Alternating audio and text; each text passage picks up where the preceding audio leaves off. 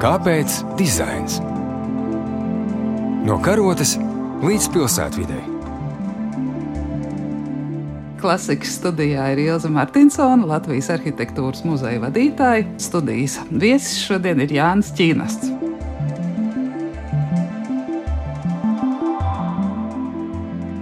Jāni, kā man jūs nosaukt, kā pieteikt, jo mēs līdz šim neesam bijuši pazīstami. Kā par brīnumu mūsu ceļi nav krustojušies, un es paskatījos internetā, un jums ir milzīgi garš nodarbošanos saraksts. Pilsētvidas plānotājs, dizainers, lektors, publicists, kas dzīvo pa vidu starp zinātni, dizainu, vidas geogrāfiju un filozofiju. Jūs varat īsi raksturot, kas jūs esat es cenšos kļūt par cilvēku. Un visi šie jūsu projekti. Acīm redzot, vienkārši ir, ir mēģinājums. mēģinājums. Instrumenti. Nu, man šķiet, jā, ka mēs par cilvēku nepiedzimstam, mēs par viņu kļūstam.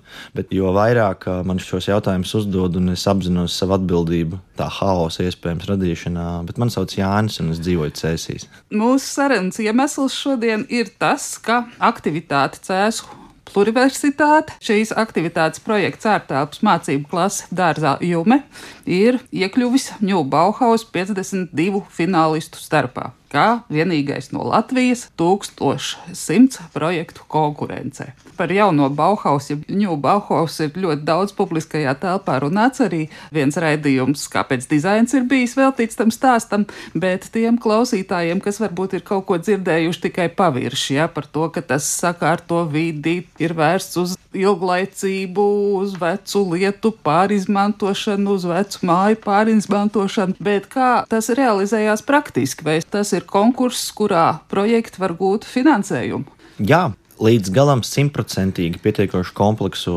šīs iniciatīvas dabu, ja var tā teikt.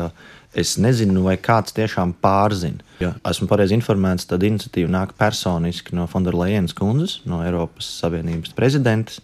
Cik lielā sazobē tas viss ir ar jauno zaļo darījumu, New Green Deal Eiropā, šķiet, ka būs lielākā kā sākumā šķita, taču iniciatīvas mērķis ir vienkāršs varbūt citiem līdzekļiem, bet tiekties panākt to pašu pozitīvo mainības efektu, kādu pasaulē ienesa vecais Bauhaus, tātad 19. gadā dibinātā augstskola, kas nu, tajā laikā diezgan radikāli, inovatīvā veidā saveda kopā dizainu, mākslu, scenogrāfiju, performanču mākslu, tos arī arhitektūru. Notika liels pavērsiens. Arī jāņem vērā, ka tajā laikā, protams, bija trīs paralēli procesi. Amerikā streamlineri, kas sāka sev pieteikt, un arī Krievijā bija skolu temas. Un uh, šīs jaunais Bauhaus varbūt mazāk runā par atsevišķu celtni, ēku, skolas un programmu. Manuprāt, aicina cilvēkus ieraudzīt citā gaismā lietas, kas mums jau ir. Un tas man liekas tik valdzinoši jaunajā Bauhausā, ka lielā mērā nav runa par varbūt kā tiešā veidā jauna radīšana, bet kā mēs to cēlus pluriverstā lasām, no tā ir tāda procesa reartikulācija. Mums jau viss, kas mums ir vajadzīgs, ir. Varbūt ieraugam to, ka tā vecā pamestā māja tik tiešām var kļūt par kaut ko citu. Tas parks pilsētas centrā var būt kaut kas cits, un dārsts pilsētā arī var būt kaut kas cits. Kāpēc? Jo nu, viena realitāte, kurā mēs bijām, manuprāt, visi pieraduši dzīvot, gan arī precīzi pirms diviem gadiem, vienkārši beidzās. Es eh, jūsu mājaslapā lasīju, ka šis jūsu konkrētais projekts, kas ir saņēmis, tagad iekļūst šajā finālā, būtībā ir beidzies. Viņš jau ir realizēts. Viņam būs, protams, turpinājums un sekas, bet mm -hmm. šādā kontekstā. Jā, nu ko mēs saprotam ar vārdu projekts? Esmu diezgan liels kritiķis pret to, ko mums valodā ienesa iespēja pieteikties dažādiem fondu finansējumiem, un projekts pēkšņi kļuva par veidlapu kopumu, kam ir sākums un beigas, kam ir savs finansējuma tabulas. Manā ieskatā projekts ir kaut kāda mainība, kuru mēs tiecamies ienest pasaulē. Jā, realitātei. es lasīju Satorī šo jūsu kritisko Jā. rakstu par institucionāliem projektiem, kas ir labi finansiāli atbalstīti, bet kā tas bija? Vai jūs šai savai iniciatīvai dabūjāt finansējumu? Jā, protams, tur ir uh, krietna deva. Tas ir Ņū Bauhaus finansējums. Ne. Tad man ir jāsāk tomēr no paša sākuma. 2013. gadā man izdevās viesoties Grieķijā un pievienoties austrāļu dizaina filozofa Tonija Fraja vadītai iniciatīvai Urmedic University. Tātad augstskolai, kas ceļo pa pasauli, kurai nav adreses. Pagāja vairāki gadi studijas formālā, neformālā veidā Latvijā, daudziet pasaulē. Prakse, nu jau pēdējos desmit gadus strādājot profesionāli kā pilsētvidas plānotājiem un dizaineriem. Un 2019. gadā viss salikās tā, lai taptu skaidrs, ka savu atbildību un pienākumu pret Urmedic University es varu turpināt Jo šķiet, ka ir vieta, kur mēs varam Latvijā nolaist šo ideju par skolu bez adreses. Un zīmē ideja par cēlus pluriversitāti. Par skolu, kas mēģina pati sevi radīt, organizējot lekcijas, vasaras skolas, plenērus, konferences. Šai skolai nav adreses, šo skolu veido notikumi un cilvēki. Un pirmajā vasaras skolā 2020. gadā, strādājot trīs fakultāšu ietvaros - geogrāfija, dizaina un filozofijas dizaina grupa, nedēļas laikā kā vienu no gala rezultātiem savam darbam šajā vasaras skolā nāca klajā ar ideju, pamēģinām cēsīs uztaisīt mācību klasi ārā. Pusgadu strādājot ar pašvaldību, pirmā novietne bija Cēlā vecpilsētā, kur šobrīd ir fantastiski arheoloģiski atklājumi un labvietā. Un ar Ievas Ubeles, Rūtskas mākslas rezidenču vadītājas gādību, mēs nokļuvām Rutskā un sākām šo dārzu veidot pērn. Nu, dārzs jau tur bija vienkārši vecs un nekopts, un šo mācību klasi iekopt saviem spēkiem, ar savu finansējumu. Mums izdevās, pateicoties Tīnai Alsē Drupai, kas ir uh, viena no līdzdibinātājām Cēlā Pluriversitātē, kas šobrīd studē cilvēku ekoloģiju Menā ASV. Ņemot vērā Amerikas specifiku un veidu, kādā tur tiek atbalstīti studenti, mēs ieguvām nelielu bāzes finansējumu aktivitāšu uzsākšanai. Tīna līdz ar to varēja pavadīt vasaru Latvijā, un mēs sākām būvēt jumi soli pa solītim. Nepretendējot ne uz ko citu, kā vien kas notiek. Ja mēs paraugāmies uz dārzu, kā potenciāli mācību klases, tajā laikā arī strādāja Cēlā pilsētas maksas skolā, kā direktors, cenāts vest cauri skolu pandēmijas, nu, teiksim, tās spožākajiem momentiem. Un tāpēc skaidrs, ka mēs neatgriezīsimies tur, kur mēs bijām, kā mēs mācāmies. Un ko mēs varam praktiski darīt? Ok, mēģinam cēsīs uztaisīt drošu vidi, vietu, kurā ir iespējama fiziskā distancēšanās, viss tas, kas mums bija jāievēro tajā laikā, bet mācāmies tur. Arhitektūru mācīties dārzā, dizainu. Nu, principā gan arī jebko. Un soli pa solītam mēs to visu likām kopā, noturējām otro vasaras skolu, kurā daļēji jau mēs varējām paēdināt cilvēkus no tā, kas ir izaudzis savā mācību klasē tapa pirmās sanāksmes un informācija par New Bauhaus uzsaukumiem, ka tomēr ka tā būs ne tikai iniciatīva, kas ir paredzēta tīklošanās, spēcināšanai, bet arī, ka iespējams tur būs konkurss un finansējums. Un mēs vienkārši uzrakstījām pieteikumu, ka hei, šī ir jume, šis projekts ir tādā ziņā pabeigts, viņš ir startēts bet viņš sevi attīstīs, mācību klase darbību nebeigs. Mēs vēl vakar filmējām promo video jumē. Ir šogad vasarā vēl krietna deva ar fiziskām infrastruktūras lietām jāsabūvē un jāturpina darbs pie tā, lai ar katru gadu ar vien vairāk notikumu bagātinātu šo specifisko dimensiju. Viens ir stāsts par kopienas dārzu, viens ir stāsts par nolaistas teritorijas sakopšanu, viens ir stāsts par pilsētvidas plānošanas un dizaina eksperimentiem kas ir varbūt dažādi pop-up notikumi, performances, bet otrs stāsts ir kādā veidā ievest iespējams jaunu tipoloģiju un kāda veida procesiem, notikumiem, konceptuālam ietvaram, regulējumam, jebkam ir jāparādās, lai mēs varētu runāt nākotnē, atverot, pieņemsim, teritorijas plānošanas, atļautās izmantošanas karti, kur pilsētu plānotāji visi pazīs, un ir jauna tipoloģija. Pedagoģisks elements, mācību klase ārā. Ko vispār mēs ar to saprotam? Vai mēs varam mācīties ziemā ārā? Nu, gan jau ka varam. Tas arī viss trīs gadu ilgs projekts, kas šobrīd sevi attīsta ar vien vairāk. Mēs turpināsim strādāt pie jaunu mācību klašu izveides ārā tieši cēsīs. Juma ir viena no tām, mēs viņu pieteicām New Bauhaus, esam pamanīti. Liels gods, 1100 projektu konkurence. Man bija pārsteigums saņemot šo e-pastu 29. aprīļa vakarā. 52 finālisti, ir vairākas kategorijas. Mēs esam kategorijā atjaunot saikni ar dabu. No Baltijas pat vienīgie tajā kategorijā un esam pagodināti par iespēju par sevi stāstīt. Ja iegūsim arī kādu finansiālu atbalstu, lieliski mums būs uzreiz automātiski iespēja ko investēt, bet šobrīd ļoti precīzi atbildot uz jūsu jautājumu. No Ņūbāhos mēs naudu neesam saņēmuši, jumē mēs liekam iekšā to, kas mums pašiem ir uzstājam uz to arī, ka labas lietas un vietas dzimst ne tikai lūdzot kādam palīdzību, ja tu vēlēsies pats un dari, ja tev nav iespējams piesaistīt finansējumu, investē savus līdzekļus, balso ar savu naudu kaut vai. Man liekas, tas ir pilnīgi normāli. Tā ir daļa no tā, ko es jums sākumā teicu, un tā procesa par to, kā ir būt mācīties tapt par cilvēku. Dot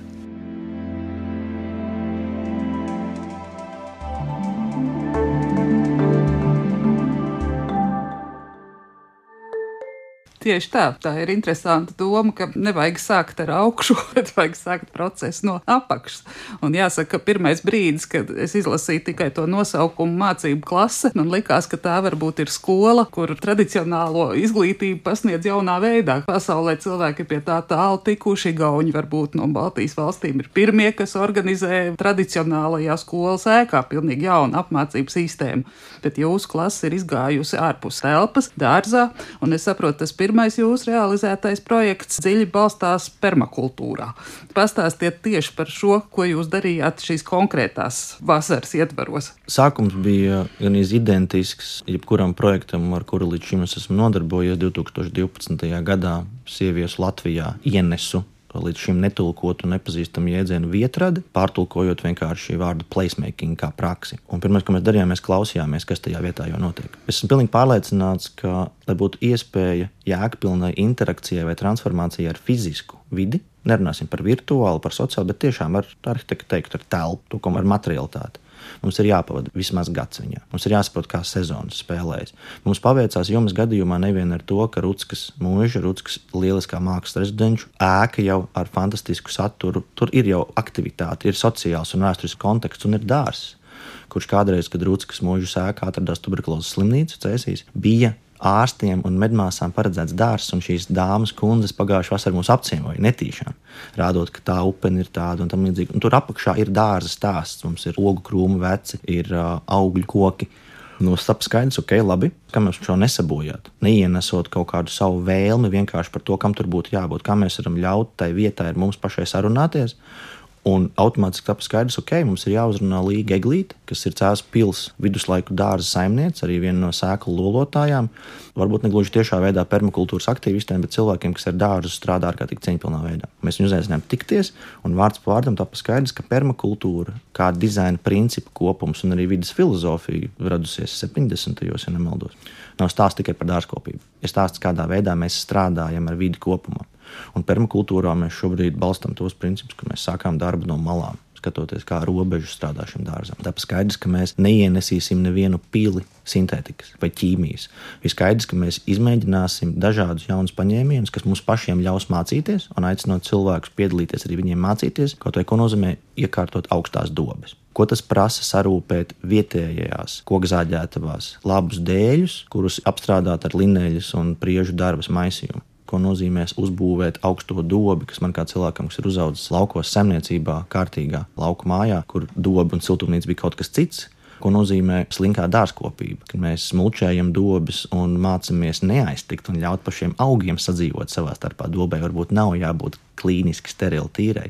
Ko nozīmē apgūt elementāru augstās dobas slāņojumu principu, Proti, kādā veidā mēs piebarojam, veidojam gan siltumu, gan mitrumu akumulātoru, kādā veidā mēs strādājam dažādā līmenī un frakcijās ar koksni, šķeldu, veciem organiskas kokvilnas audumu pārpalikumiem, kādā veidā mēs uztaisām šo sistēmu. Šobrīd mēs viņu vērojam. Permakultūra mums šķiet ļoti iederīga, jo permakultūra paredz vērojumu, paredz intervenciju caur varbūt netiešu veidu, tā paredz arī nu, tādu cieņu pret laiku. Mums cēlās pluralitātē, mēs pastāvīgi cenšamies uzsvērt arī savā akadēmiskajā meklējumā, mūsu veido geogrāfijas, dizaina un filozofijas sintēzi, tā varētu teikt. Mēs pastāvīgi cenšamies arī lektoriem strādājot, veidojot notikumus, planējot, runāt. Viens ir dizains telpā, kas mums visiem ir diezgan labi pazīstams. Arhitekti ir meistarīgi uz to pilsētu plānotājiem daudz kas vēl jāmācās, bet Latvijā mums pilsētu plānošana īstenībā nav regulēta. Jebkurš cilvēks ir pilsētu plānotājs. Bet ko nozīmē dizains laikā? Ko nozīmē iemācīties strādāt ar laiku nevis kā mērvienību?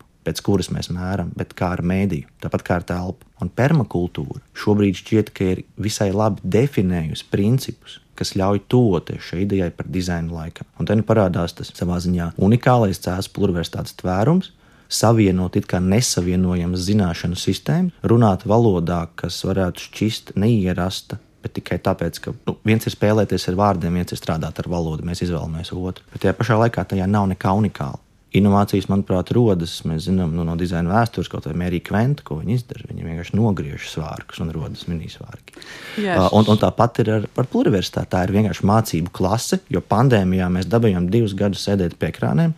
Un es kā cilvēks, gan pedagogs, gan arī izbijis formāls skolas direktors, var pateikt, ka mēs sekas tikai redzēsim gan pedagogiem, gan skolēniem. To es saku tiešām no praktiskas pieredzes pēc darba ar jauniešiem, ko mēs darām. Mēs vērojam, skatāmies, kas notiks, vai meklējam jaunus ceļus. Ārā būt ir visdrošāk. Šobrīd arī kara darbība, karš Ukrajinā. Nevēlos izklausīties cinisks, bet vienkārši ļoti tieši un atklāts parāda to, ko nozīmē telpas arī bīstamības aspekts. Un es kā pilsētplānotājs uzskatu, mums ir jāmeklē pilsētā miedarbība, jēgpilnā un racionālā veidā starp interjeru un eksterjeru, starp iekštelpu un ārtelpu. Un manā praksē pēdējos desmit gadus tieši darbs ar publisko ārtelpu, vietradi, ar ielu krustojumiem, ar dažādām performancēm, provokācijām ir bijis vērsts uz to, ka mēs varam dzīvot ārā vēl citādākā veidā. Bez visiem šiem, ko jūs minējāt, man ļoti aizķēra sociālais aspekts. Jums ir bijusi 10, 15 cilvēku grupa, un man te bija paralēlis ar to literātu reklāmas saukli, es esmu introverts. Man liekas, ka mēs tiešām esam introverti, tā ir mūsu problēma, un tepat laikā mums šausmīgi gribās to pārkāpt un biedroties. Es saprotu, ka jūsu projekts bija vērsts arī uz to sociālo integrāciju kaut kādā veidā. Jo vairāk es strādāju ar pilsētām, jo vairāk es saprotu to, kas kādreiz studējot šķita tāda teorētiski, iespējams, pat neveiksme. Šis stāsts par kopienām un kopienu nozīmi. Un es sāku strādāt pilsētu plānošanā Latvijā laikā, kad publiski lietojot, piemēram, kādos fórumos vai konferencēs vai publiskajās apspriešanās vārdu komūna vai kopiena, nācās arī dzirdēt par kādām kvazi reliģiski orientētām sektām jūs runājat. Un jo vairāk es strādāju ar pilsētām un ar vietām, vai tās būtu sociāls, virtuāls, fizisks, jo vairāk, protams, ir skaidrs. Piekrītot absolūti jums, lai kā mums nepatiktu citi cilvēki. Dažreiz mēs bez viņiem nevaram, un mēs gūstam vislielāko piepildījumu, kad mēs esam kopā. Un te nu, ir arī pedagoģiskais aspekts Cēzu pluriversitātei, ko nozīmē mācīties veidā, kurā nošķīrums starp skolotāju un skolnieku vairs īsti nav saprotams. Jo, ja mēs strādājam kopā, mēs mācāmies kopā. Un es nerunāju par strādāšanu kā kolhoza ciematos, atvainojos par varbūt, tādu no jaunu cilvēku nekritisku izteikumu.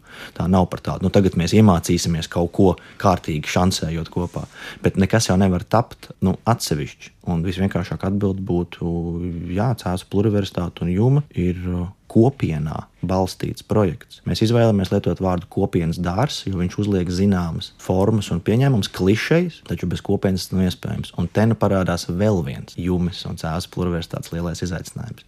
Cēsis ir sena, bet neliela pilsēta, kurā ir ļoti, ļoti labas formālās izglītības skolas, vidusskolas, gimnāzijas, lieliski bērnu dārzi, fantastiska skola, kas šobrīd eksperimentē ar jauniem formālās izglītības paņēmieniem, un šis stāsts ir būtisks arī mūsu sarunas kontekstā. Ceļš šobrīd iegūst lielu popularitāti Latvijā jauno ģimeņu starpā, un uz ceļiem pārvācas ar vien vairāk jaunas ģimenes, kas nav atraduši to dzīves komfortu un piepildījumu, pieņemsim, kuru vēl ar vienu nespēja piedāvāt Rīgas vēsturiskais centrs. Taču cēsīs trūkst iespējams vissvarīgākā sabiedrības daļa, kas pilsētu uzirdina, padara inovatīvu, jauneklīgu, dažreiz nesaprotamu, nepieņemamu, bet dzīvu un tie ir studējoši jaunieši. Cēsīs nav savas augstskolas. Kad mēs sākām runāt par Cēlus pluriversitāti kā par universitāti, iespējams, sākumā pat skolā, un izgājām diezgan daudz arī komunikācijā, konfrontācijā, izglītības kvalitātes valsts dienas, tur izglītības likumu, ko mēs varam par universitāti saukt, kuru mēs nevaram saukt par universitāti, tāpēc mēs pārsaucāmies par pluriversitāti. Mēs mēģinām ļoti cieņpilnā veidā, līdzīgi kā Šumhera koledža Lielbritānijā, Ok, mums nav pilsētas izmērs, kurā tiešām ir iespējams uzbūvēt jaunu. Kā mēs saprotam to, bet tas viss mainīsies tūlīt. Es jums garantēju, nākamo desmit gadu laikā. Bet mums ir pilsēta, fantastiski izmēra, ar ļoti, ļoti augstu izglītotu iedzīvotāju procentuālo sadalījumu. Cēlus šobrīd jaunajā nu jau novadā, manuprāt, ir visaugstākais doktora skaits, tātad PhD grādi Latvijā iedzīvotāju skaitu. Vidzemes konteksts senās inteligences, ja tā varētu teikt, rašanās reģions. Ar lauksaimniecību sarežģīti nodarboties. Augstien. Stāsts par rakstniekiem, visu Latvijas inteligenci, kas dodas, tas viss tur cēsīs ir. Un tajā mazajā pilsētā šo vēsturisko kontekstu var just akmenī un ķieģelī. Cēsis var lasīt kā grāmatu. Un tas, ko mēs mēģinām izdarīt, mēs gribam šajās vēstures lapusēs un vispār šajā grāmatā ieraudzīt kaut ko vēl, šo visu pilsētu kā skolu, un tajā brīdī mēs jau varam arī praktiski ar instrumentiem, ar plānošanas paņēmieniem, ar pieejām strādāt, kādā veidā mēs būvējam to trūkstošo kopienu cēsīs, šos studējušos jaunos cilvēkus. Mums viņi ir jāved uz cēsīm. Cēlus pluriversitāte šobrīd importē cilvēkus uz cēsīm. Jā, bet kas tagad notiks tālāk ar to ņūbu Bauhaus, ja nu jūs izvirzaties vēl līderos? Ko tas dos? Tad? Balva, balva fonds tiks uz 52 finālistiem sadalīts 18 balvas. Viņus, protams, tur ranžējas pirmās, otrās vietas atbalsta mehānismu. Mēs būsim priecīgi par jebko, taču viss svarīgākais šobrīd ir nu, trīs gadus arī strādājot un liekot iekšā pūles, kad tev kāds pasaka, tu dari foršu lietu. Mm -hmm. Šis ir novērtēts. Un Eiropā tas ir pamanīts, kā vienmēr Eiropā dažreiz pamana novērtē Latvijā to, ko nenovērtē Latvijā.